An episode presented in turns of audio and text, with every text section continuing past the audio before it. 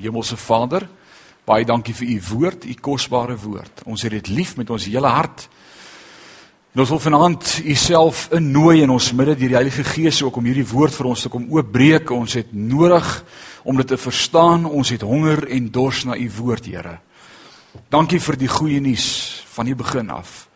Dankie dat die evangelie nie eers in die Nuwe Testament begin het nie, maar van die begin af dit u plan was dat u Christus sou stuur vir ons wat verlore was om vir ons te kom vrede bewerk met God. Ons loof U daarvoor. Help ons om hierdie simboliek te verstaan vanaand, om ons eie harte te ondersoek vanaand terwyl ons daarmee besig is, sodat ons ook dit sal kan toepas in ons eie lewens. Ons gebed in Jesus naam en sê ons sê amen. En amen. So ons kyk vanaand na die goue kandelaar en Jesus verklaar self van homself. Onthou al die simboliek in daardie tabernakel leer ek vir jou dis simbolies van Christus en dit dui vir ons daarop oor Christus wat sou kom. En uh Dink jy het jy klein batterytjies in die kantoor? Enetjie. Asseblief. Ek gaan nou vir u met die bord bykom. Dankie Tinkie. Al die simboliek in die tabernakel weet ons dui op Jesus Christus. Ons het laasweek begin en ons het laas die vorige week twee weke terug begin deur te gesels oor die wat die ark, die verbondsark soos ons van hom praat en ons het gesien hoe die ark dui op die simboliek en wie is die verbondsark? Niemand anders as Jesus Christus nie 'n tipe van Christus en hoe die wet in Christus weggesteek is, die versoendeksel, die bloed, die volmaakte offer, die gerubs, die heerlikheid van God wat daar was en dat God daar met ons ontmoet. Jesus sê van homself, hy sê ek is die weg en die waarheid en die lewe en niemand kom na die Vader behalwe deur my nie. Dis daar waar die hoëpriester God ontmoet het, was by Jesus Christus by die verbondsark, daar by God se heerlikheid. En dan het ons gekyk laasweek het ons gepraat oor die tafel met die toonbrode. As jy dit gemis het, kry dit dat jy ek wil nie sê bykom nie, maar dat jy bybly. Dis die regte woord. Bybly uh dat jy nie baie dankie dat jy weet waaroor al hierdie simboliek gaan, dis belangrik om dit reg te verstaan en dat jy sal weet wat God ook daardeur vir ons wil sê en wil leer. Right. Ek wil net graag my muis aankry en vir een of ander rede OK. Dis fyn. Sal jy hom vir my net die regspyltjie druk? Nee, regspyltjie asseblief, juffrou. Baie dankie Tanya, gaan die muis speel vanaand. Wat ons sal iets uitwerk as ek sê klik dan druk jy die druk maar. Daar sê gebeur niks. Ek net die muis in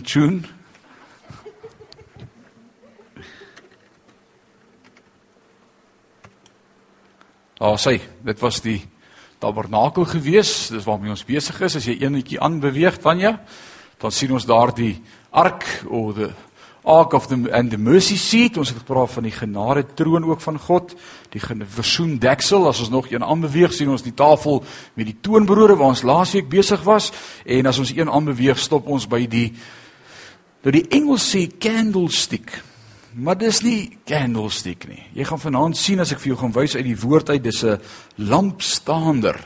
Dit was 'n staander met olielampies en baie dankie vir hierdie lampie wat jy vir my saamgebring het. Dit kom uit uit uit Egipte uit, uit Israel uit. Hierdie hierdie lampie, dit is soos wat 'n tipiese Joodse olielampie lyk. Alraight.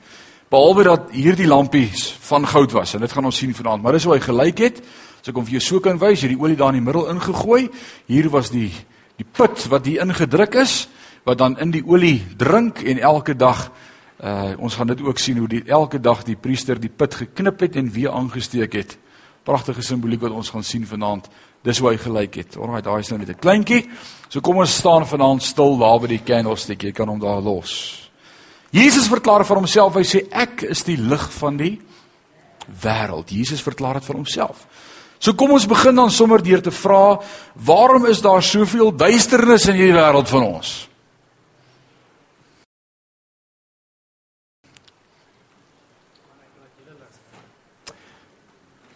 Henning sê want hy sê vir ons ons moet ons lig laat skyn. En dis waarmee ons gaan deel vanaand. Alraight. Almal het Jesus nodig. Elke mens daar buite het God se lig nodig. Kom ons begin by vers 31 waar ons vanaand se studie gaan begin Eksodus 25 vers 31 en hy sê daarso maak ook 'n kandelaar van suiwer goud. Suiwer goud. Nou merk dat ons toe ons besig was met die vorige twee uh meubelemente en meubelstukke in die tabernakel dat dit elke keer van akasia hout gemaak was wat met goud oorgetrek was.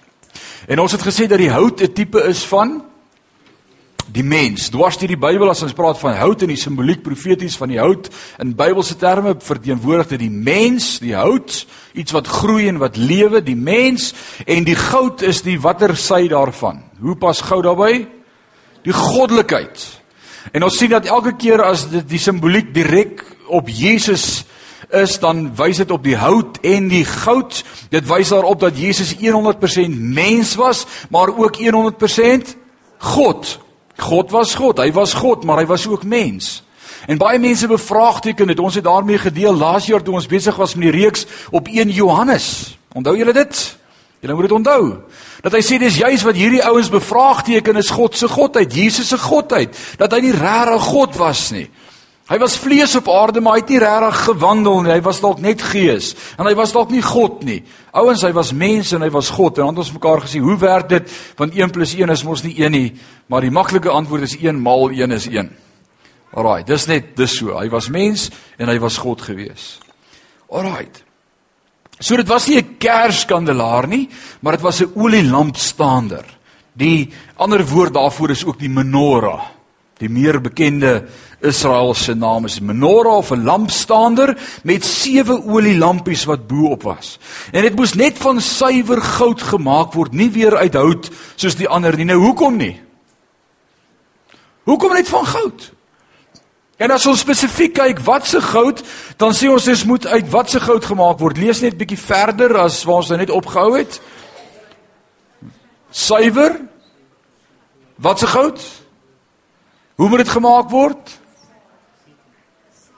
Geslaan. Wat sê die Engels? Beaten. Hierdie ding moes geslaan geword het. Met ander woorde, die persoon wat hierdie goue kandelaar maak, moes van suiwer goud begin deur te werk en dan moes hy dit geslaan het. Al die forme hieruit moes geslaan geword het. Suiwer goud wat geslaan is. Ouens, dis baie belangrik dat ons hierdie vanaand gaan onder die knie kry en ons gaan die eerste ruk daarmee besig wees. Hoekom so? Hoekom gelouterde goud? Hoekom geslaande goud? Hoekom nie gegiet nie?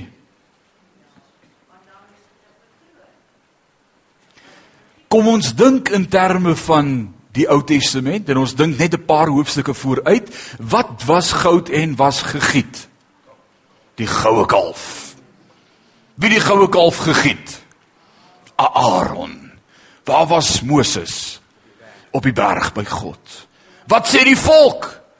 Ons is nou moeg gewag. Ons wil iets aanbid. Klink so heilig, né? Klomp skyn heilige wense. Ons wil iets aanbid. Geef vir ons 'n koei. En hy giet vir hulle. Hy sê is reg, bring al julle oorbelle en julle armbande en julle goue bangles en nalkie ringe en al die goue goed en hulle bring dit vir hom en hy gooi dit in 'n pot en hy smel dit en hy giet daaruit in 'n vorm 'n goue kalf. Hierdie kandelaar is nie gegiet nie. Daar's nie 'n vorm En as ons praat van vorm in die Ou Testament veral dan praat ons ook na vorm godsdiens, né? Nee, vorm godsdiens. En net so is godsdiens ook baie keer in ons lewe 'n vorm of 'n patroon wat stagnant daar sit. Dis hoe dit lyk. Dis die patroon vir godsdiens. God het dit nie so gesoek met hierdie kandelaar nie, met hierdie lampstaander nie. Hy het gesê nee, dit moet geslaan word. Anders as valse gode, anders as gegote kalwe, is ons lig wat vir ons geslaan is. Het ons nie 'n lied wat sê Rock of Ages cleft for me let me hide myself in thee hy's ook vir ons geslaan Hy's vir ons deurboor, hy's gebrysel. Hy is vermink vir my en vir jou. Hy's geslaan met die kats. Hoeveel sla? Hoeveel? 39 sla met die kats. Hy's geslaan. Nou wat is die simboliek van geslaan? Dit was nie 'n mensgemaakte gegote probeerslag nie. Dit was nie 'n vorm godsdiens wat ons kon sê dis as jy dit doen en dit doen en dit doen nie. Nee, hierdie ding het vorm aangeneem deur die proses van slaan. En dis die lig van die wêreld. Hy's vir ons geslaan. En baie mense vra vandag, hoe weet ons dat Jesus die enigste God is? Hoe weet ons dat Jesus die weg na die Vader is? Hoe weet ons dat hy die regte weg is? Ons het vanmôre daaroor gesels. Hoe hoe weet ons dis nie Boeddha of Mohammed of Hare Krishna of Of een van die ander nie. Hoe weet ons dis Jesus Christus? It's a valid question. Ons moet die antwoord ken op daardie vraag. Hoekom Jesus Christus? Hulle vra vir hom ook, gee ons 'n teken dat ons sal weet is U. En wat sê hy vir hierdie geslag? Hy sê ek sal vir julle een teken gee. En dit was die teken van Jona.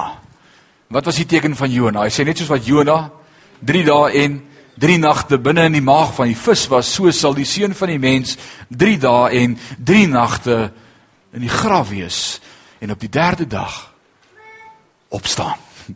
So waar hoe weet ons dat Jesus die regte lig is? Want hy het ons die teken gegee. Hy het opgestaan. Ouens en daarom wil ek dit vanaand sê as ons hiermee deel. Die opstanding.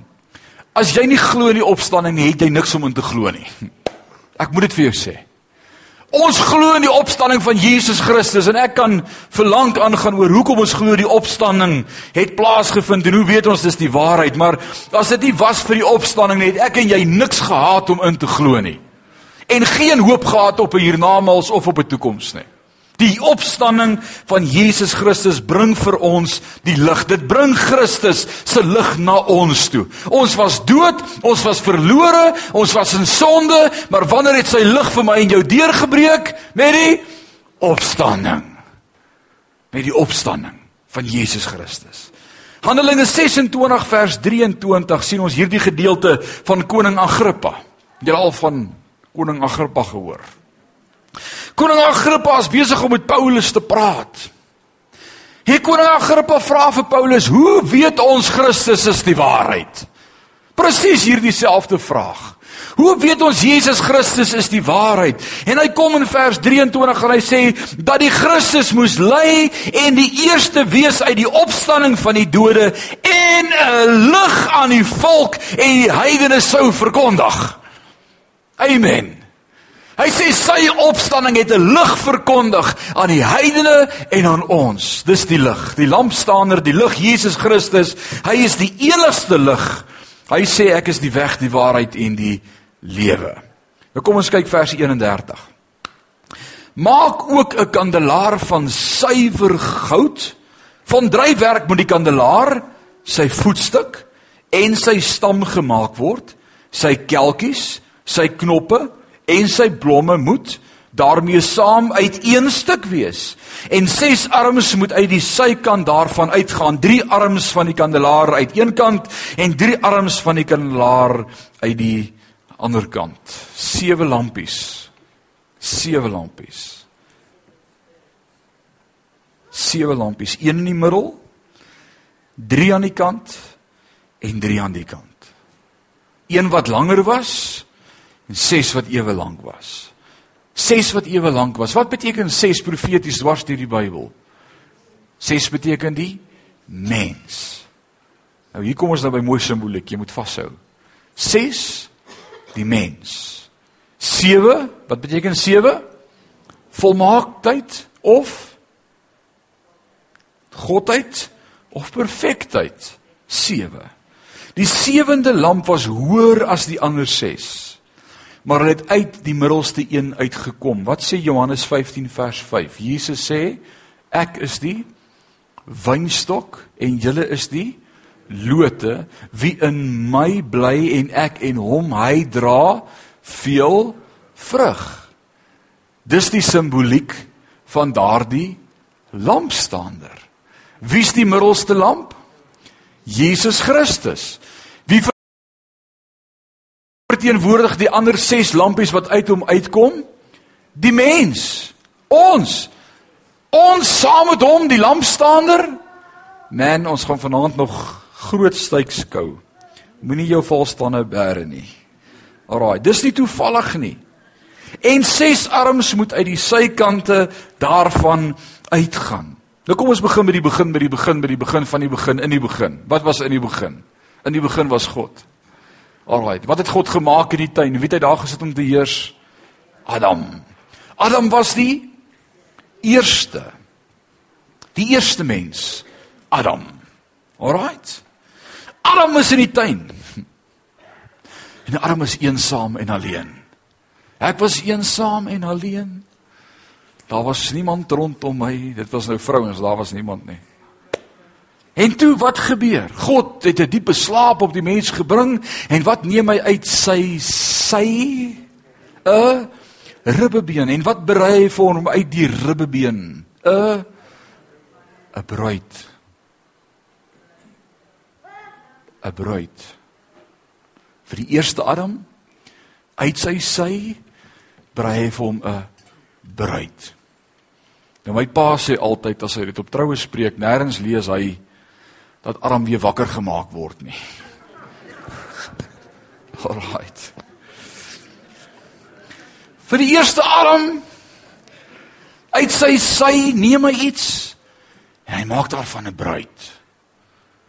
Hebreërs skrywer en Paulus sê dit vir ons so mooi van Christus. Hy sê Christus was die tweede Adam, die laaste Adam. En wat gebeur met Christus se sy? Waar lees ons van sy sy?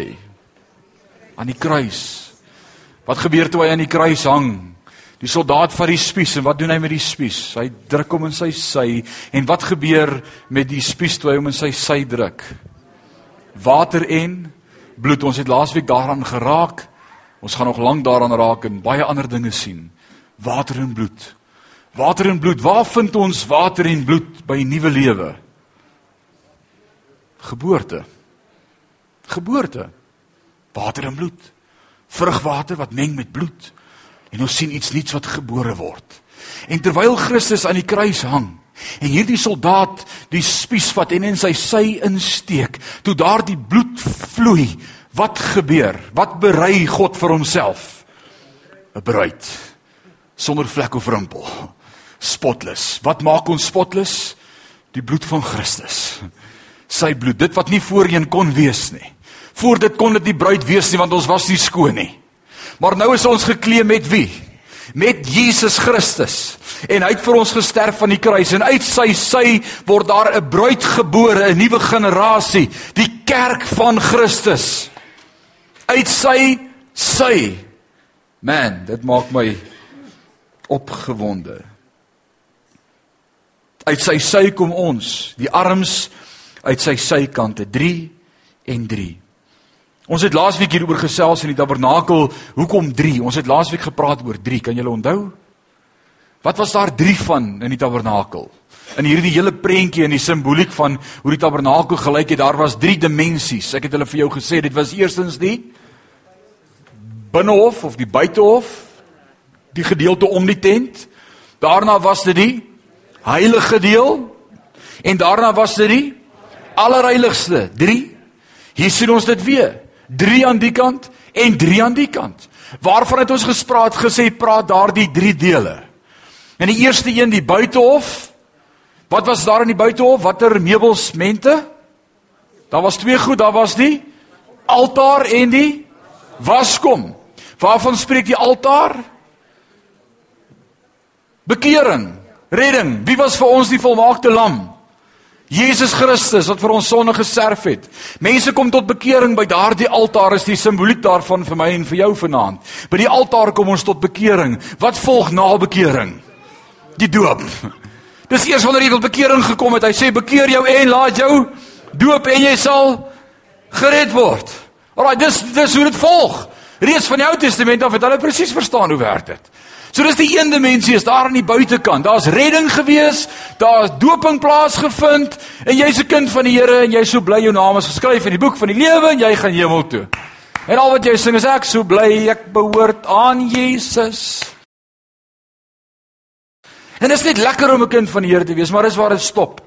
Jy's gered, ja, jy gaan hemel toe, ja. Jy het 'n verhouding met die Here, mm, soort van. Alraai, maar jy's in die buitehof.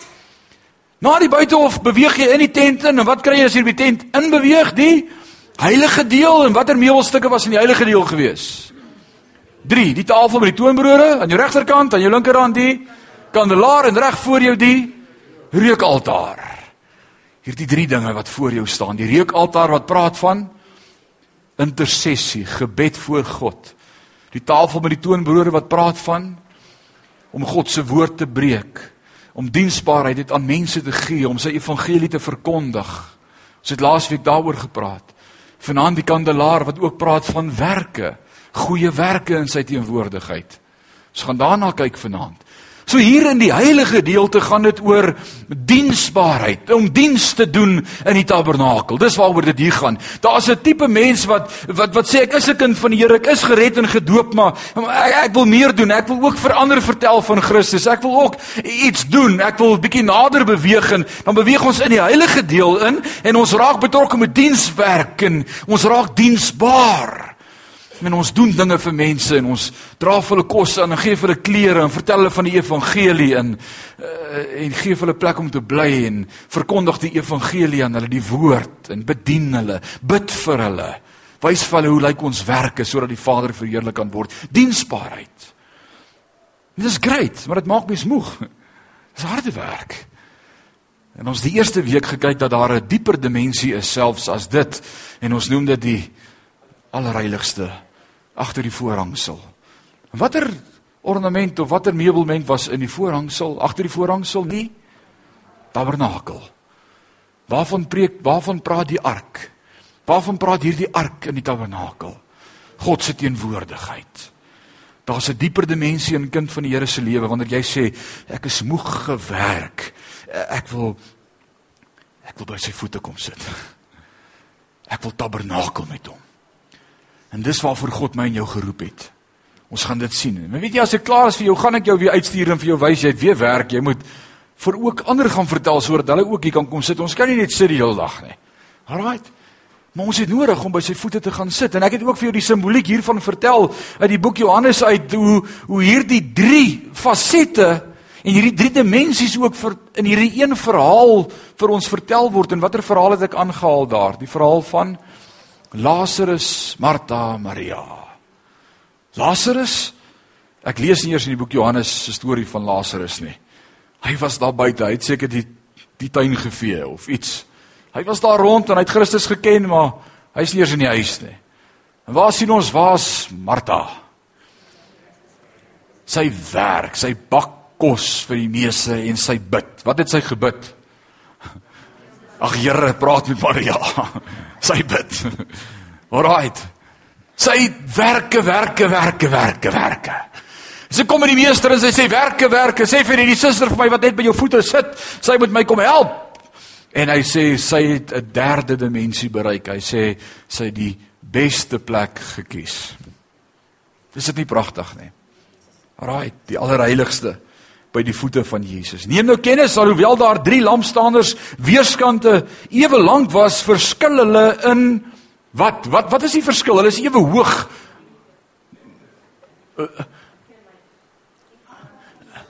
Hulle verskil in die afstand van die middel af. Wat het ek nou net vir jou verduidelik? Daar's drie dimensies van kind van God wees. Die een is daar ver. Die een is bietjie nader en die een is baie naby. Kyk gou-gou daar. Hy sê dis 3 aan die een kant en 3 aan die ander kant. 6, dit simboleer die mens. Maar wat is die simboliek daarvan vir my en jou prakties as ons daarna kyk? Daar's 'n dimensie wat al ver is. Ja, jy's deel van die lampstander, ja. Maar jy's ver van die middelste lampie af. En as daar 'n dimensie wat bietjie nader kom en is great en ons is nog steeds deel van die liggies en jy laat jou liggie skyn en jy sing saam this little light of mine, maar dis bietjie ver van die middel af. En dan is daar die ouens wat pres through. Hulle sê, "Uh, uh ons wil so naby kom as wat ons kan. Ons wil deur die allerheiligste beweeg. Ons wil by die troon van God net gaan sit en hom aanbid." En dis hierdie middelste twee. So hulle is ewe lank, Hulle is ewig gered. Dr. Horak het altyd gesê daar's iets wat sy spring laat uitdak en as iemand sê daai ou is diep gered. Jy's of gered of nie gered nie. Jy's nie diep gered nie. Maar dit is nogal waar, is dit nie? Ons is nie diep gered nie. Alraai, ons is almal dieselfde hoogte, maar party is nader aan hom as ander. Nou kom ons kyk vers 33.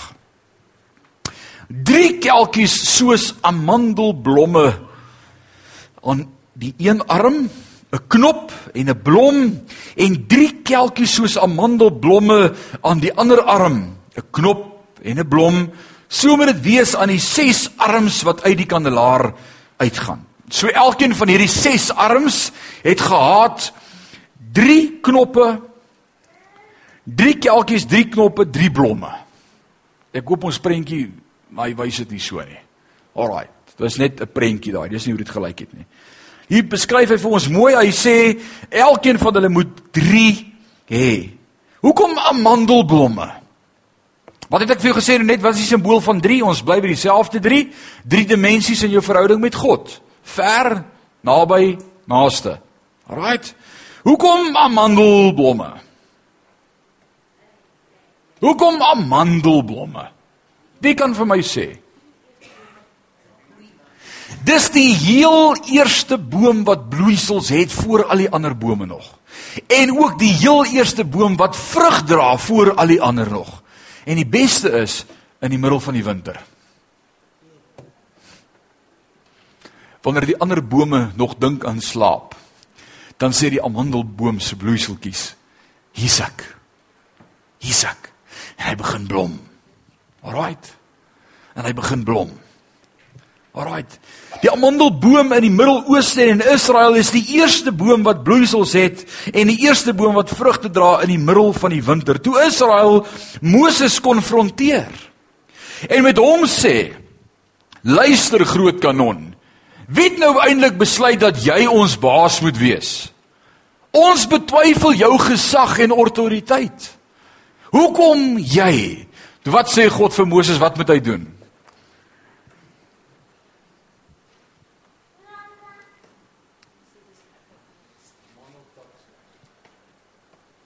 Kom ek help julle. Hy het gesê hulle moet hulle kieries vat, hulle stawwe. En hulle moet daai staf waar neersit in die tempel. En hulle moet dit daar los vir 'n dag. En die volgende dag toe hulle in die tempel kom om te kyk wat het gebeur met die kieries? Wat het gebeur met Moses se kierie? Wat se bloeisels het hy gehad? Wat beteken amandelbloeisels? Dis die eerste een, die eerste keuse, die eerste vrugte, die eerste bloeisels. Alraight. Is dit nie great nie? Hoekom amandelbloeisels? Die eerste vrug praat van Jesus Christus. Hebreërs praat daarvan hy sê Christus is vir ons die eerste een wat opgestaan het. Hy's die eerste uit die dode. Hy's vir ons die een wat voorgegaan het. Jesus is die eerste een wat opgestaan het in die middel van die winter spierwit. Jesus is die eerste van die oes. Die eerste, die amandelbloeisel. Alraight, nie net geslaan uit goud nie, gekruisig. Maar ook amandelbloeisels wat praat van wat? Ons het gesien dis geslaande goud. Jesus is vir ons geslaan, maar ons sien ook die tipe van die amandelbloeisel wat verteenwoordig die eerste, die eerste wat, die eerste een wat opgestaan het. So ons praat ook van die opstanding sien jy hoe die kruisiging simbolies daar is vir ons? Hy's gekruisig, hy's geslaan, daai goud is geslaan met 'n hamertjie tik tik tik tik tik tik tik tik tik tik tik tik en so het hy vorm aangeneem, hy's geslaan, maar ook die amandelbloeisels wat sê hy het opgestaan. Man, dis great. Hy het vir ons gesterf, maar hy het ook vir ons opgestaan. En nou kom vers 34. Maar aan die kandelaar self moet vier kelkies soos amandelblomme wees. Dis nou die middelste kandelaar self. Daardie 3 en daardie 3 het elkeen 3 kelkies gehad met bloeisels en blommetjies, maar die middelste een sê hy moet 4 wees met knoppe en blomme. Daar met 'n knop wees onder die eerste paar arms wat uitgaan en 'n knop onder die tweede paar arms wat uitgaan en 'n knop onder die derde paar arms wat uitgaan vir die ses arms wat uit die kandelaar uitgaan. Hy moet 4 amandelbloeisels hê. Hoekom 4? Hoekom nie net 3 soos al die ander nie? Hoekom 4 ouens?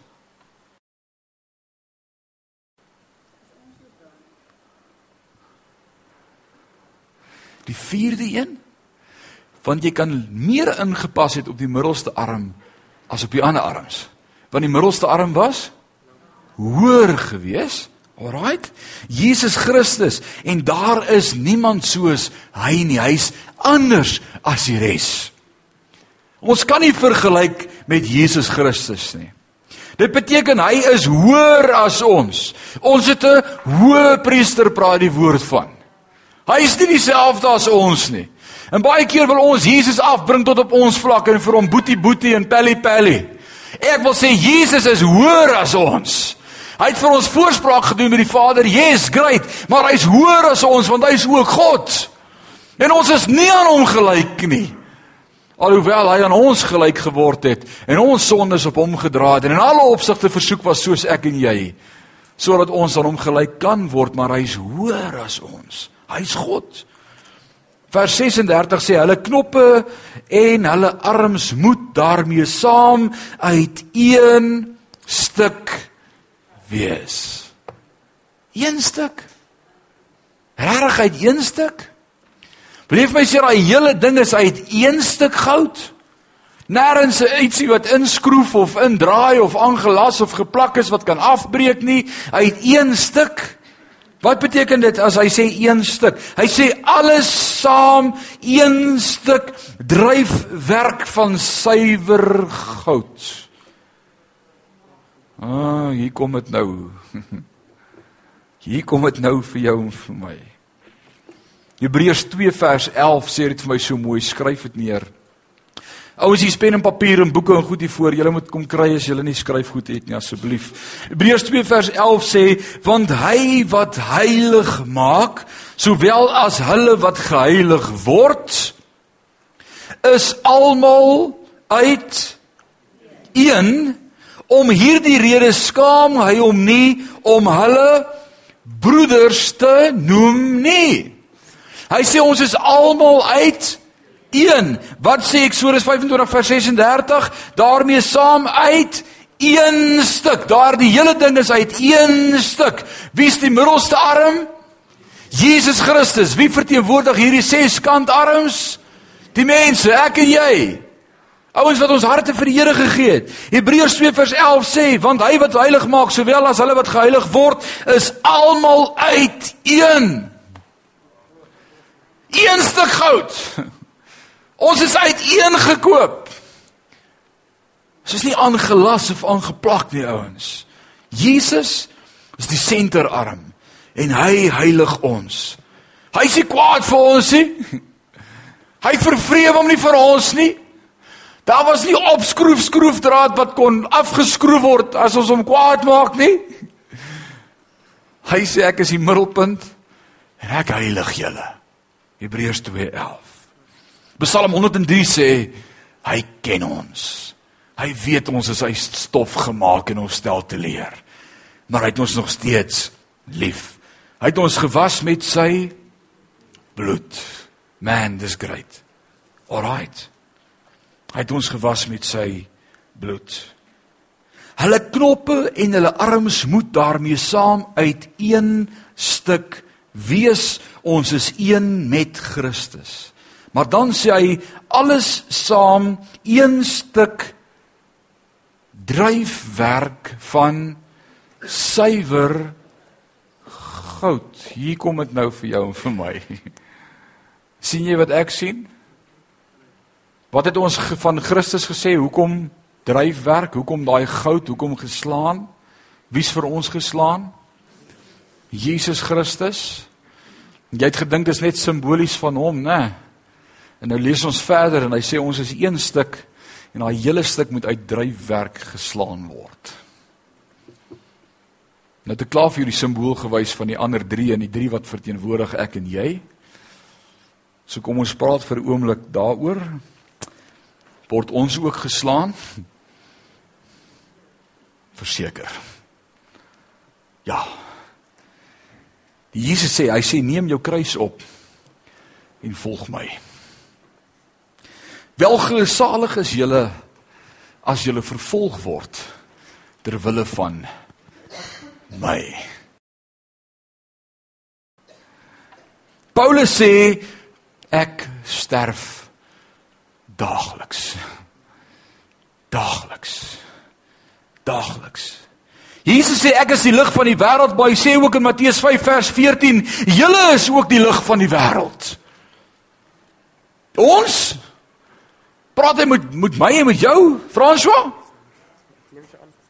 Sê sê hy regtig vir ons, ons is ook die lig van die wêreld? Ek hy hy is mos die enigste lig van die wêreld, is dit nie? Hy hy is mos die lig. Hy is Christus, nie ek nie. Hoe hoekom sê hy nou vir ons so groot ding hier in die bergpredikasie in Matteus 5:13? Hy hy sê julle is ook die lig van die wêreld. Sê jy het gedink jy gaan daarmee wegkom? Jy het gedink jy gaan wegkom. Nou wys. Hy sê ons is uit een stuk en ons is geslaan uit goud. Suiwer goud. Kom ons kyk na die volgende. En ek wil hierdie simboliek vir jou verduidelik vanaand dat jy kan sien. Genesis 1 vers 16. God praat van hierdie beeldspraak. Hy sê die volgende, hy sê God het toe die twee groot ligte gemaak. Twee groot ligte? Wat was die twee groot ligte? Die son en die maan, die groot lig om te heers oor die dag en die klein lig om te heers oor die nag. Twee groot ligte. Wat sê gou vir my? Kan die maan skyn? Nee. Kan die maan op sy eie skyn? Nee. Wat sien ons as ons na die maan kyk? Ons sien die son. So wat doen die maan? Hy weerkaats net die lig van die son. Is dit nie pragtig nie? Net soos ek en jy die klein liggies, nie die groot lig nie. Ons is die klein liggies en ons weerkaats net die groot lig. Wie is die groot lig in ons lewe? Jesus Christus. En wat's my en jou funksie? Om hom te weerkaats en net terug te skyn. Ons leer van maansverduistering. Het jy al daarvan geleer? Wat gebeur met maansverduisteringe? Dis wanneer wat gebeur? Wanneer die aarde of die wêreld in beweeg tussen die maan en die son. Ouens, het jy gehoor wat het jy nou net gesê? Dis wanneer die wêreld in beweeg tussen my en jou en God wat ons nie meer kan skei nie. Dis wanneer die wêreld en sy dinge tussen my en God in beweeg dat ek en jy nie meer kan skei nie. Want ons het niks om te gee nie. Want ons kry niks. Ons is nie van hierdie wêreld nie. Alraight. sien jy hoe werk dit? Is dit nie beautiful nie? Alraight, Jesus is die son. Die son en die seun en ons is die maan En ons self vir die lig nie ons reflekteer net die lig van die son.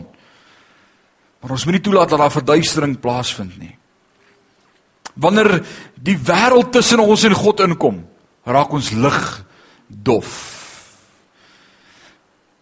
Wanneer ons familie in ons verhouding met God inbeweeg, dan raak ons lig dof. Wanneer vriende tussen ons en God inbeweeg, raak ons lig dof wanneer skoolvriende tussen ons en God in beweeg, raak ons lig dof. Wanneer te veel TV tussen my en God in beweeg, raak my lig dof. Die vraag wat jy vanaand vir jouself kan vra is: Hoe sterk skyn ek God se lig in hierdie wêreld? Kom ons gaan verder. Die Here wil hê dat sy lig gesien moet word. So moenie toelaat dat die wêreld tussen jou en die lig inkom nie. So wanneer sien die wêreld dan ons lig? Wanneer sien die wêreld ons lig? Ons is uit een stuk goud geslaan. As ons as kinders van die Here, wanneer sien die wêreld ons lig?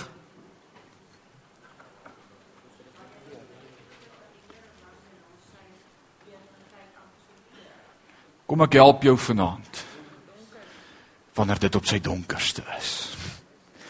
Wanneer ek en jy geslaan word. Wanneer ek en jy getimmer word. Wanneer ek en jy 'n beproewing deurgaan. Wanneer ek en jy voor 'n dokter sit wat vir jou sê sorry, daar's nie hoop nie. Wanneer ek en jy in die waaiskrib is en ons geknyp word. Wanneer ek en jy in omstandighede sit wat nie lekker is nie. Jy sien daar's 'n teologie daar buite wat verkondig word en en dis wat vir my so hartseer is. Maar tog sê die woord dis die gees van die tyd. Wanneer ons mense wil leer dat dit met ons net moet goed gaan en net lekker is om die Here te dien. En net great is en ons praat van dit as prosperity preaching. Name it and claim it. Ouens. Die woord leer my van die begin af, ons is uit een stuk saam met hom geslaan. Ons gaan dit nie loskom of vryspring nie. As hy dit nie kon vryspring nie, gaan jy dit nie vryspring nie. Maar wanneer die nag op sy donkerste is, sien ek en jy die maan op sy helderste. En ek kan nooit weer na die maan kyk daar buite sonder om te dink aan die kandelaare nie. Ouens, dis wat awesome is van hierdie beeldspraak en simboliek uit hierdie Ou Testament. Jy gaan na dinge anders begin kyk. Jy gaan net nooit weer na goed kan kyk en nie wonder wat gebeur nie. Gisteraand toe ek na die maan kyk, sê ek, Here, dis nie die maan wat skyn nie maar die maan weerkaats net alles wat hy sien by die Vader. En mag my jou lewe ook so wees in Christus. Dat as mense na ons kyk, hulle ons nie sal sien nie. Maar Christus sal sien wat deur ons skyn. En wanneer gee Christus vir ons geleentheid om dan te skyn? Wanneer dit met ons great gaan en ons 'n great bankbalans het en ons in oorvloed lewe, is dit wanneer ons kan getuig van sy goedheid en sy grootheid. Kyk hoe sorg die Here vir sy kinders. Of is dit juis wanneer die tekkie die teer tref en die moeilikheid daar is en ons nie weet waar die hoop vandaan gaan kom nie, maar die woord sê die hoop beskaam nooit. Dis juis wanneer ek en jy nie weet waar gaan die antwoord vandaan kom nie dat ons kan opkyk en sê Here, ons is hier want U het ons hier gesit. En dis in daai donker omstandighede. Waarlik, U is die seun van God. Dis in die donkerste omstandighede van die kruis. Toe Jesus aan die kruis hang, vir my en vir jou deurboor, sy sy gesteek en, en, en hy sy asem uitblaas. En hierdie prentjie van die donkerste van die nag van die kruis, staan 'n Romeinse soldaat terug en, en hy sê: "Waarlik, U is die seun van God." Dis wanneer Jesus op sy ergste beproef word vir my en vir jou dat sy lig geopenbaar word.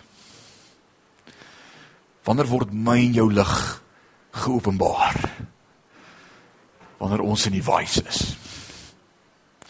Wanneer ek en jy beproef word. Wanneer ons gedimmer word. Wanneer die siekte aan ons deur klop. Ag dit louter vreugde my broeders. Jakobus 1 vers 2 as julle in allerlei versoekinge val. Omdat julle weet dat die beproefdheid van julle geloof leidsaamheid bewerk. En hierdie leidsaamheid moet tot volle verwerking kom sodat julle vers 4 volmaak sonder gebrek en in niks tekort mag hê nie. Dis die einddoel. Volmaak sonder gebrek en in niks sal kort kom nie. Maar wanneer gebeur dit? Ag, dit louter vreugde my broeders wanneer julle in al 'n versoekinge val omdat julle weet dat die beproefdheid van julle geloof leidsaamheid bewerk. Wanneer jy nie wys drup is. Wanneer jy voel die bytel van die lewe hamer jou soos daardie stuk goud wat gekap word, kap, kap, kap, kap, kap. Ouens, dis wanneer die hamertjie aan jou kap wat God se heerlikheid deur jou kan weerkaats. Dis wanneer dit met jou op jou slegste gaan dat die wêreld by jou kom en sê: "Hoe kry jy dit reg?" Vertel ons ook die antwoord. Wat het jy gedoen? Hoekom lyk jy nie te neergedruk nie? Hoekom is jy nie depressief nie? Hoekom is jy nie negatief nie? Hoe kan jy dit regkry om by 'n graf te staan van 'n geliefde en te sê die Here het gegee, die Here het geneem. Geloof sy die naam van die Here. Waarlik die Here is God. Wie anders as hy is rots. Dis wanneer ons geslaan word wat ons ook ons lig laat skyn. 1 Petrus 3 vers 15 en ek het al baie gedeeltes hieroor gehoor, heel buite konteks. Hy, hy sê jy gaan dit ken as ek dit lees. Hy sê maar heilig die Here God in julle harte en wees altyd bereid om verantwoording te doen aan elkeen wat van julle rekenskap eis omtrent die hoop wat in julle is met sagmoedigheid en vrees. En ek het al baie preke hieroor gehoor. Jy moet gereed wees met die evangelie. Jy moet gereed wees met die boodskap van hoop. Jy moet gereed wees om enige tyd dag of nag met mense te praat oor Christus. Disipelskap. En dis waar, dis great. Maar as jy waar daar staan nie. En om wat daar staan beter te verstaan, moet ek vir jou vers 14 lees want sien 14 kom voor 15. Dis eenvoudig. In vers 14 sê maar as julle ook moet ly ter wille van die geregtigheid salig is julle. En vrees hulle glad nie en wees nie ontsteld nie. Maar heilig die Here God in julle harte en wees altyd bereid om verantwoording te doen aan elkeen wat van julle rekenskap uit om te en hierdie hoop wat in julle is. Dit verander die storie né Man, dis great. Hy sê maar julle moet ook ly ter wille van die geregtigheid. Hy sê salig is julle en vrees hulle glad nie en wees nie ontsteld nie. Jy sien hierdie hoofstuk handel oor verdrukking. Hierdie hele boek 1 Petrus handel oor verdrukking. Vyf hoofstukke van verdrukking. Petrus. En in die middel van hierdie vyf hoofstukke kom hy en hy praat oor die huwelik 1 Petrus 3. Ek kan nie vanaand daaroor praat of iets verder sê nie. Jy kan dit self uitfigure. Right. Tik tik tik tik tik tik tik. Tik tik tik. Daar's 'n doel daarmee. Hou uit sodat die Here ook in jou die beste kan uittik. Sodat sy lig in jou gesien kan word. Ons bring die beste mekaar na vore. Dit moet so wees. Sommige van ons word vandag geslaan, gelouter en gekap. Waar jy vanaand hier sit sê vir my ek is stikkend geslaan. Ek kan nie meer nie, ek is opgekap. Ek is deur soveel moedeloosheid in my lewe. Soveel ellende. Nes ek dink ek is bo en ek my oë oopmaak, is ek eintlik onder. Ouens vir sy eer en eerlikheid. Sodat sy lig deur my kan skyn wil ek sê embrace dit. Omhels dit. Omhels elke beproewing in jou lewe. Gryp dit met twee arms en soen dit. En sê Here, dis van U om my skoner te maak en reg te kry sodat Christus in my gestalte kan kry. Man. Man, dis awesome. Hoekom Here? Vir sy heerlikheid. Alraight. Soos dit in die hele storie van vanaand, ons word gekap. Is dit nou vanaand se les vra jy vir my, hoe ons ook gekap word? Dit was nou 'n awesome les vanaand. Nee, dis nie die hele storie nie. Byt vas, dit was net die introduction. Hier kom dit nou, vers 37. Jy moet ook sewe lampe daarvoor maak En hulle moet sy lampe opsteek en die lig daarteenoor laat val aan die voorkant. Afrikaans sê dit mooi nie. Ek het vanmôre vir jou 'n paar mooi goed uit die Engels gesê wat die Afrikaans net nie mooi sê nie. Hoor wat sê die Engels? And thou shalt make the seven lamps thereof, and they shall light the lamps thereof, and they may give light over against it. Henning, jy die oorspronklike Bybel met die Hebreëse woorde by. Sê hy vir jou wat is daai it? Daai woordjie it in Hebreë sê the face. Die gesig. Hy sê jy moet sewe lampies opsteek. En daai lampies gaan hulle lig laat val op die gesig. Wie se gesig? Wie se gesig word gesien as ek en jy ons lampies laat brand? sien hulle ons? Kyk hulle ons en sê, "Ooh, julle is so oulike klomp Christene." Matteus 5 vers 16 en ek het net nou net vir jou die eerste gedeeltjie gelees. Hoor wat sê die res. Laat julle lig so skyn voor die mense dat hulle julle goeie werke kan sien en julle Vader wat in die hemel is verheerlik word. Wat gebeur as ek en jy ons plek inneem en ons lampies laat skyn en ons lig op sy gesig laat val? Die wêreld kyk na ons en hulle sê, "Wow, hy's great." Dis nie ek of jy nie. Dis nie ek of jy nie. Weet jy wat my hart so ongelooflik roer die laaste ruk van my eie storie van 2 jaar terug af? is wanneer ek dinge begin lees oor martelare vir Christus. Dit dis iets wat vir my dit doen iets aan my man. In die week vra iemand vir my pastoor, kan ek vir jou vra hoekom het julle moslem vla daar bo in julle kerk? Raak julle afvallig? En ek wou my eers wip en ek sien in sy oë die onkunde en ek sê nee. Ons bid vir hulle dat hulle ook mag kom by die lig. Jesus Christus. En hy sê: "O, Nee, dis 'n goeie antwoord. Ek het vir my vrou gesê daar moet 'n antwoord wees. Man. Maar wanneer ek die stories begin lees van ouens wat gemartel word vir Christus, dan sien ek dat in daardie oomblik wanneer die die hamer op sy hardste slaan en die loutering op sy ergstes en die vuur op sy warmstes En ons dink dat normale ouens sal sê ek wil net uit, time out. Dan is dit wanneer hulle sê ons staan vir wat ons glo meer as ooit. DC Talk, Jesus Freaks, Smartest for Christ, wie die boek. Awesome boek. Fantastiese boek. Great boek. Wat sê Afrikaans? fanaties vir Christus. Sê dit nie so mooi soos mates vir Christus nie.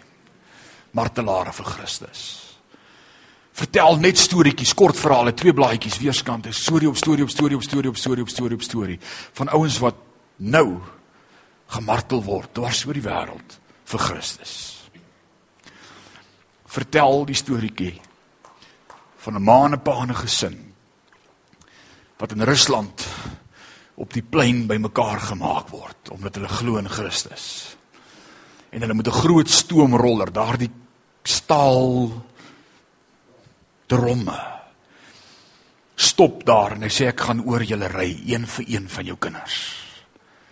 Deny Christ and live. En die drom ry oor die eerste kind. En die ma en die pa sê Ons glo meer as ooit. En hulle sit die tweede kind daar en ry bo oor hom. Toe die derde kind dan neergesit word. Toe wil die ma ingee en, en sy wil hardloop en die pa hou haar vas en die seentjie wat daar staan skree vir sy ma. Mamma, moenie kom nie. Ek sien die engele. Jy sien dis die plek wat jy nie verruil vir enigiets anders nie, is wanneer jy getimmer word sodat sy lig meer kan skyn. Ek ruil dit vir niks. En ek en jy sukkel om daardie plek te verstaan as ons nie glo in God se soewereiniteit nie. Dan wil ons plekke ruil, ons wil God speel ons wil sê maar hierdie moes nie so gewees het nie en dit moes nie so gewerk het nie. En as God God is, hoekom werk dit dan so en hoekom doen so? Maar as ek en jy begin glo God is 'n soewereine God wat alles weet en 'n beheer is van alles van die begin tot die einde. Then we embrace the agony of the ministry. En ek en jy omarm die seer en die pyn en die droefheid ook van kind van God wees. En ons ruil dit vir niks. Ek het julle vertel laas jaar van daardie klomp soldate wat gevange geneem is. Hoeveel soldate was dit? Was dit 40 soldiers for Christ? En toe die een besluit hy kan dit nie meer hou in die koue nie en hy gaan sit by die vuur en die ander begin sê 39 soldiers for Christ. En een van die soldate ruk sy klere af en gaan spring tussen hulle in en sê, "Ek kan nie glo jy het jou plek opgegee nie. 40 soldiers for Christ." Ouens, dis waaroor dit gaan. Laat julle lig so skyn voor die mense dat hulle julle goeie werke kan sien en julle Vader wat in die hemel is verheerlik. In jou moeilikste tyd. Dis waar ons Jesus sien. Die middelste lampstaander soos nog nooit vantevore nie. Dis waar jy hom ontmoet. Ek dink aan Sadrag besig in Abednego. Ken jy hulle? Het jy al gehoor van hulle? Sadrag besig in Abednego. Waar kom hulle te staan? Voor die vuurhoond. En dan word vir hulle gesê as julle nie bereid is om julle godsdienst en julle geloof in God op te gee nie, is julle einde die vuurhoond en die dood. En hulle sê ons God is by magte om ons te verlos uit hierdie vuurhoond. En al doen hy dit nie, bly hy God. Dit moet jou en my gesindheid word. Ons wil vir God sê, Here, as U my sal gesond maak, dan sal ek weet U is regtig God. Here, as U vir my sal voorsien hierdie maand in hierdie probleem, dan sal ek weet U is regtig God. Ouens, dan moet 'n ander gesindheid in ons wees. Al voorsien U nie, bly U God. U is God. Dis nie debatteerbaar nie. Dis nie debatteerbaar nie. Saterdag mesig en Abednego word binne in hierdie vuur oond gegooi. En wat staan hulle buitekant? Wat sien hulle? Die ou wat hulle moes ingooi. Dit was so warm daar buitekant dat hy wat Hy pek. Hy is dood. Hy vra hy word gekremate. Voor die deur. Dit was die eerste cremation. Lees af van in die Bybel, dis Bybels om verras te word, ouens. Eerste ou wat verras is. Right, maar hy was nie 'n kind van die Here nie. Wat het gebeur met die kinders van die Here? Hulle loop op binne rond in die vuur. En hulle kyk en hulle sien. Wat sien ons nou daar binne? Het ons nie drie aangegooi nie, nou is daar vier en die vierde een se gelaat is soos soos 'n engel, soos God. Wie is dit? Jy hoef God nooit te sien om te weet as hy nie, my maat. As jy hom sien, sien jy, dan weet jy. Tot die wêreld weet. Hulle weet. Elke tong sal bely en elke knie sal buig sê Jesus Christus is die Here. Daar's net een God. En binne in die vuur oond hou hulle biduur. Binne in die vuur oond. Maar ek lees nie dat hierdie drie aan die kant uitgestap het so vinnig as hulle kan. Ons loop ons oor die kole. Ek sien baie keer dan loop hulle oor die kole. Het jy al oor kole geloop? Sien van die Here nie hoor. Sit van die Here is dan bly daar binne in jou brand nie. Draai dit. Hulle bly daar binne. Ek sien hulle deur geloop nie. En ek wonder as hulle daar sou deurloop, wat sou die koning gesê het? Gaan terug. sou hulle teruggejaag het. Nou wys. Hulle kom lewendig aan die kant uit, maar wat? Hulle bly daar binne, want in die vuuroond, in die warmste van die nag, ontmoet hulle God. Dis op die donkerste, in die krisis wat hulle God ontmoet. Wat wil ek en jy doen in die krisis? We want out.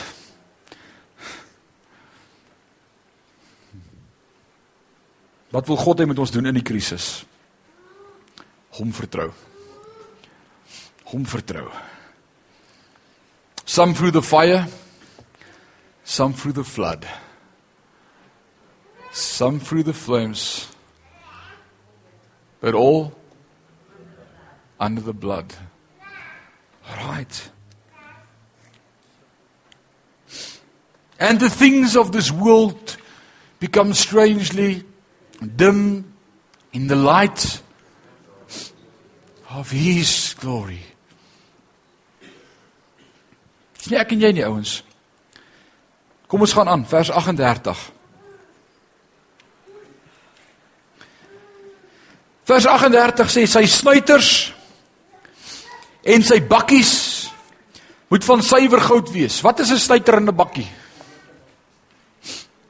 Die bakkie het jy om jy doodgemaak, sy suurstof gestop en dan hy gevrek en wat het die snuiter gedoen? Dis dit die snuiter. Wat was die bakkie? OK, om die olie in te hou of die pitte in te hou, sy snuiters en sy bakkies moet van suiwer goud wees. Nou wat het 'n snuiter gedoen?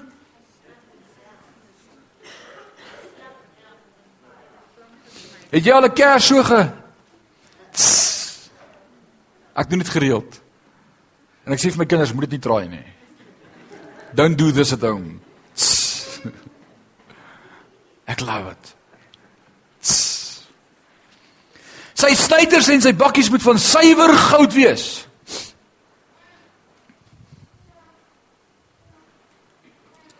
Hier kom 'n preek.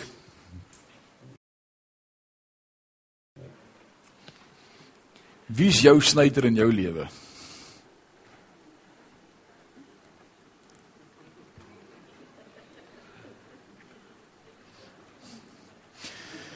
Wie sny jou liggie net soos wat hy begin skyn, dan gaan hy. Wie bring die beste in jou na vore? Wat sê die Engelse vertaling, Henning? Ehm vers 38 nie. Snuffers and the trays are of people. Snuffers. Wat sê tannie Saal? What does it say in verse 38?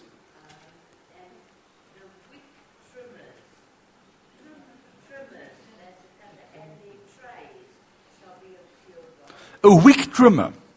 Nou ouens, ek gaan julle nog wys later as ons daarby gaan kom en dis 'n ongelooflike lering daardie aand. Jy moenie hierdie tabernakel mis nie. Vir wie is hierdie 3 aande al 'n blessing? Ek steek altyd my hande op want dit is vir my 'n groot blessing as vir julle, glo my.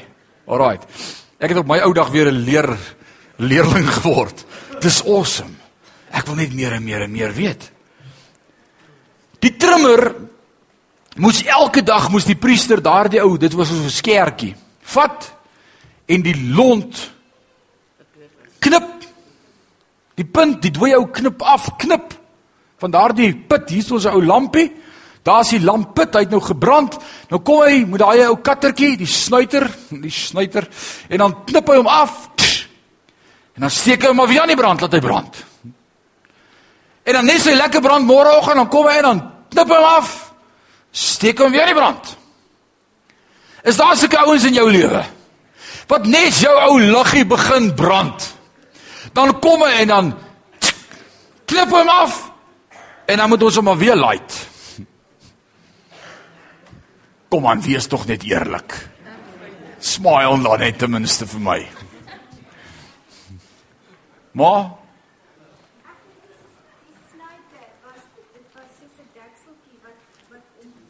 dit om smeer, smoor.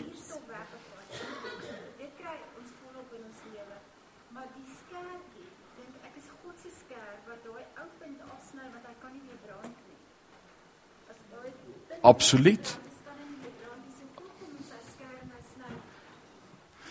Maar daai skertjie in my en jou lewe moet ons baie mooi ag gee daarop was ook van suiwer goud. Dit was nie van akasia hout of 'n doringhout of 'n kaktus gemaak of een of ander dergelike ander stof nie. Dit was van goud wat ook praat daarvan dis 'n instrument in die hand van die Here. En ook daardie ou dingetjie wat jou elke dag moet kom trim in jou lewe. En vir jou voel net jou liggetjie brand, dan smoor hy hom uit en dan voel jy, Here, nou moet ek eers weer kom charge hier by U. Ek moet eers weer bietjie by U voete kom sit. Ek voel nou weer doodgedruk en gesmoor. Dis God se doel met jou en met my. God gebruik dit tot sy voordeel. Dit was ook goue instrumente in sy hand, ouens. Weet jy wat? As daai snyter jou pla en jy bid vat hom weg, gaan die Here vir jou groter een gee.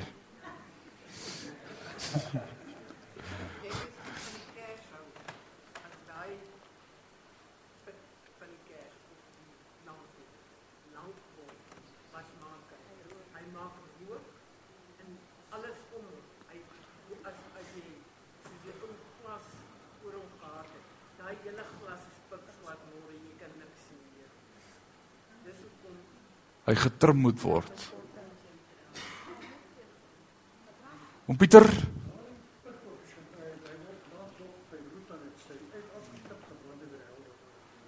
So skielik brand hy weer helder want hy moet weer nuwe vuur kry.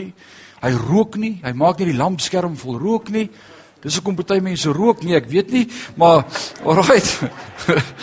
Sorry. Moes dit dit was onvermydelik. Ouens, dit was van suiwer goud. En dan sê hy die volgende en ek wil hê jy moet let op wat hy nou sê. Hy sê van 'n talent suiwer goud moet hulle dit maak. Al hierdie voorwerpe. Een talent suiwer goud. Hoeveel weeg 'n talent? 'n Talent is 'n maat van gewig in die Bybel. Hoeveel weeg dit? 40 kg.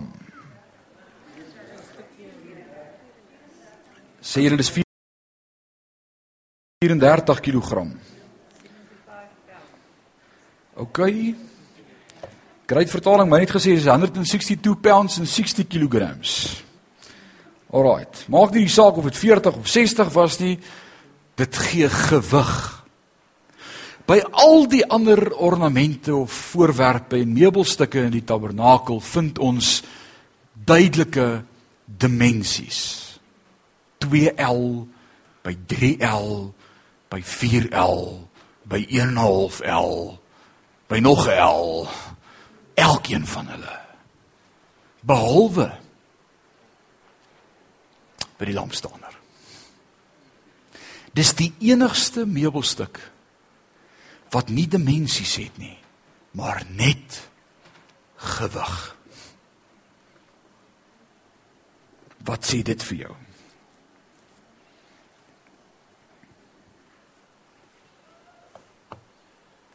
Wat sê dit vir jou? Sê jy vir my wat is die simboliek daarvan? Daar's geen dimensies nie. Dit kan nie ingeperk word nie. God se lig vir hierdie wêreld kan nie gestop word nie. Daar's geen en dit dra gewig. Substance is die Engelse woordjie. Selfde woord wat ons kry in Hebreërs 11 vers 1. And our faith is the substance for things hoped for things not seen. Substance. Gewig. En die laaste ding waarmee ek wil afsluit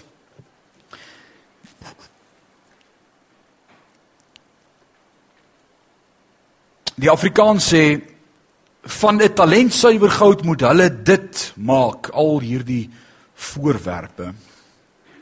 Die Engelse vertaling sê dit korrek as hy soos volg sê of a talent of pure gold ye make it with all these vessels. Ye. Does your bible say it? But who makes it? Ye. Who's ye no. Ye. H e. Staan in jou bybel Who makes it? Hier, die Afrikaans sê van 'n talentsuiwer goud moet hulle dit maak. Nee, dis nie hulle nie. Hulle moet niks nie. Hy. En wie's die hy na wie hier verwys word? Man, dit gaan nog interessant word. Hierdie is net die aptydwekker vir later. Jy het 'n nuwe vertaling. Dis nie jy of ek nie. Die Engels sê dit die korrekste en die naaste aan die oorspronklike teks, hy. En daardie hy na wie verwys word is Bezilio, die goudsmid wat dit moes maak. Hy moet dit maak. Maar in my en jou lewe gaan ek en jy sien die simboliek daarvan is die werk van die Heilige Gees. Ek kan dit vir jou wys. Dis nie ek of jy wat dit kan maak nie. Moses het nie die lampstander gemaak nie. Die volk het nie die lampstander gemaak nie. Wie het dit gemaak? Een ou wat God opgeroep het met die vermoë om met goud te kon werk. Een ou. En ons gaan sien dit sy karakter dat dit 'n tipe is van die Heilige Gees wat vir my en vir jou kom louter. Tik tik tik tik tik. Sodat ons tot lof en eer kan wees van hom by die openbarmaking van sy seun Jesus Christus. Sit nie great nie. Is julle nog by ons? Iemand iets vra? Dink jy? die Jode, hulle hulle glo in die menorah, die middelste staande is ook die diens die dienaar. Uit hom gee hy lig vir al die ander, maar hulle noem hom ook die dienaar. Die een wat voorgaan. Die een in die middel wat vir al die ander lig gee. Hulle nie hom Awesome. En ons sien vanaand is die simbool van Jesus Christus, die Hoëpriester wat eenmaal vir ons ingegaan het. Eenmaal. Ouens, as jy gebless, beteken dit vir jou iets? Jou eie verhouding en jou wandel met die Here elke dag. Colin to bring light in the holy area of the tent so that the priest could perform their duties. So it was to bring light, otherwise, we were in darkness. It was the tent. And we will come to that. It was covered with rope skins and with calf skins and with uh, goat sheets and everything. So it was dark inside. And that was the only subject to bring light in the holy area. And in the Holy of Holies, the light was God Himself, Jesus Christ. On the mercy seat. He shone through there. He was the light. So in this holy area, the candlestick was to bring light so that the priests could perform their duty. And if Christ the light isn't in our lives, we have got nothing to perform. He's the light. En reeds.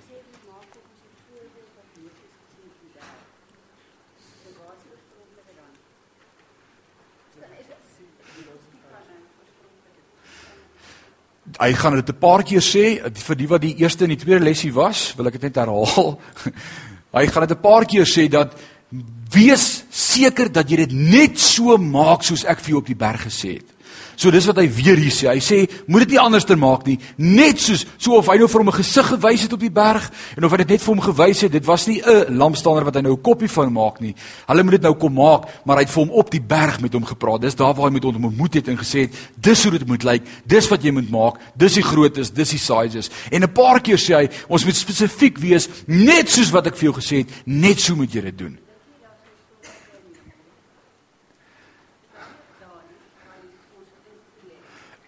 Ek het kom ek sê dit weer. Kom ek sê dit weer want jy het dit gemis. En die wat nie hier was nie, hier kom dit. Hoekom is dit belangrik om hierdie hele beeld en simboliek te verstaan van die tabernakel op aarde? Sodat jy nie eendag as jy daar bo kom sal voel soos 'n plaasjapie nie, maar sal weet wat daar aangaan. Nou jy dit? Want Hebreërs sê vir ons dat alles hierdie tabernakel is 'n skaduwee van die dinge wat in die hemel is. So dis jou antwoord. Definitief. In die hemel gaan ons al die simboliek kry van wat ons ook in die tabernakel kry. Dit gaan great wees. Dan die sjaal.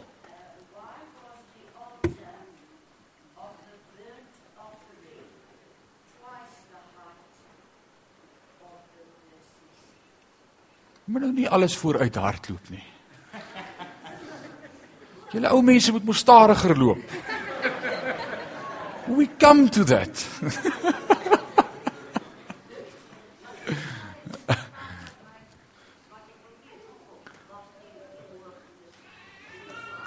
Dit gaan nou kom. Dit gaan nou kom. Oom Tom.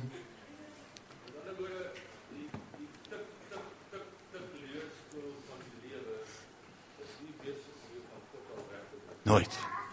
Nooit. Nooit.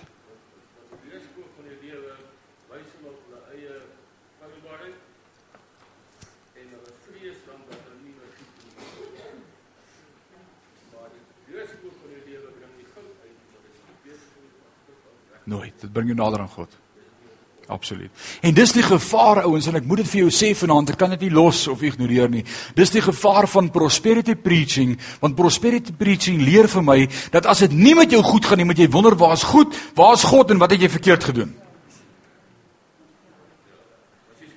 Dan is jy skuldig. Jy het sonde in jou lewe. As jy siek is, moet jy wonder wat het jy verkeerd gedoen? Want as jy geloof het, moet dit met jou net goed gaan. En ouens, dis die grootste krisis in die kerk. Is nou kom pragtige kinders van die Here hulle raak siek en hulle sê, "Here, maar waar is U dan nou?" Ek het gedink ek ken U, maar nou ken ek U nie want nou is U ver van my af. Want wat nou? En dit is 'n gevaarlike teologie. Want dis nie wat ek leer in my Bybel nie.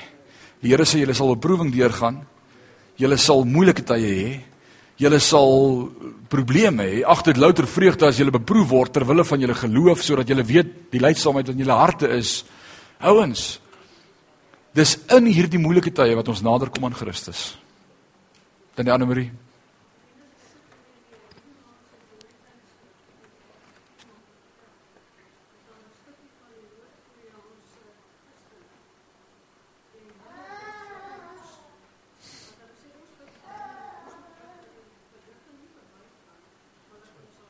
Absoluut.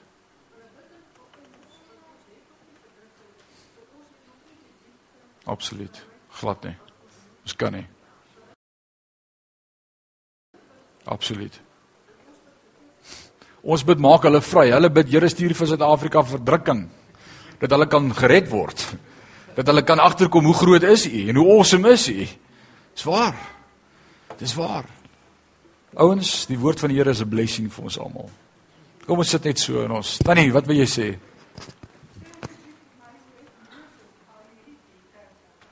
Wat het ek vanmôre vir julle gesê? Johannes 14 en die Heilige Gees sal julle alles herinner wat ek julle geleer het.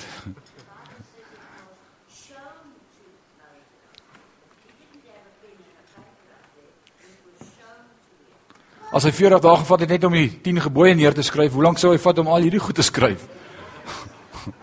Gewonder het 'n goue kalf begin maak onder. Ouens, dis great. Dis great. Kom ons word stil en ons buig ons hoofde.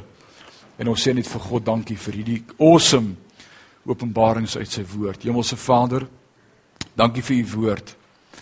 Dankie dat u woord ons vrymaak. Dankie dat u woord ons nuut maak. Dankie dat u woord lewe bring. Dankie dat u woord lewe gee. Dankie dat u die gewer is van lewe. Dankie dat ons vanaand opnuut mag ontdek ons plek en ons posisie in Christus in die volmaakte beplanning van die begin af. Ons kan net sê waarlik die Here is God. Waarlik die Here is God. Wie anders as hy is 'n rots? Ons loof U Vader. Dankie vir elke waarheid uit U woord. Dankie dat U dit vir ons oopmaak en openbaar en my gebed is ook dat U met elkeen van ons in hierdie week so sal spreek dat hierdie waarhede aan ons sal uitspring uit U woord uit. Gee ons 'n honger en 'n dors na U woord en dat U met ons sal praat. Ag Here, ons is opgewonde oor U woord. Dankie vir U woord. Dankie dat U ons vashou in die holte van die hand en die woord sê niks sal jou uit my hand uit uitruk nie jy's myne by jou naam geroep. En ons sê vir U dankie daarvoor. Vanaand wil ons net saam met die digter sing I stand amazed in the presence of Jesus the Nazarene and wonder how he could love me a sinner condemned unclean How marvelous. How wonderful. Vader dat U ons liefhet. Gaan ons verstand te bowe. Maar ons sê vir U dankie. Dankie vir U waarheid uit U woord. Hou ons vas in hierdie week, elkeen van ons, elke boetie en sussie, elkeen in hierdie dorp, Vader, maak ons 'n lampstaaner op 'n heuwel sê U woord, in Matteus 5. Sodat die wêreld kan sien dat U goed is. Dankie daarvoor. In Jesus naam. Amen. En amen.